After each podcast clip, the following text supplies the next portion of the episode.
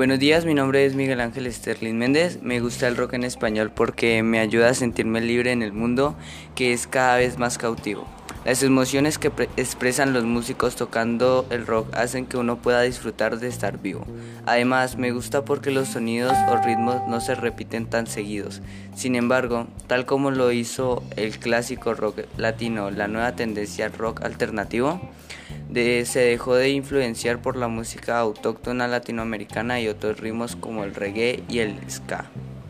Algunos de los instrumentos que se usan en este ritmo o tipo de música son la guitarra acústica, bajo eléctrico, batería, guitarra eléctrica, teclado electrónico. Me llama mucho la atención el ritmo y el sonido que produce, la coordinación que tiene el baterista para ir acorde con las notas, la concentración que debe tener para llevar un ritmo con una mano y uno diferente con la otra. Algunas de las bandas que más me gustan son Maná, Enanitos Verdes, Los Hombres G y Soda Stereo. Muchas gracias.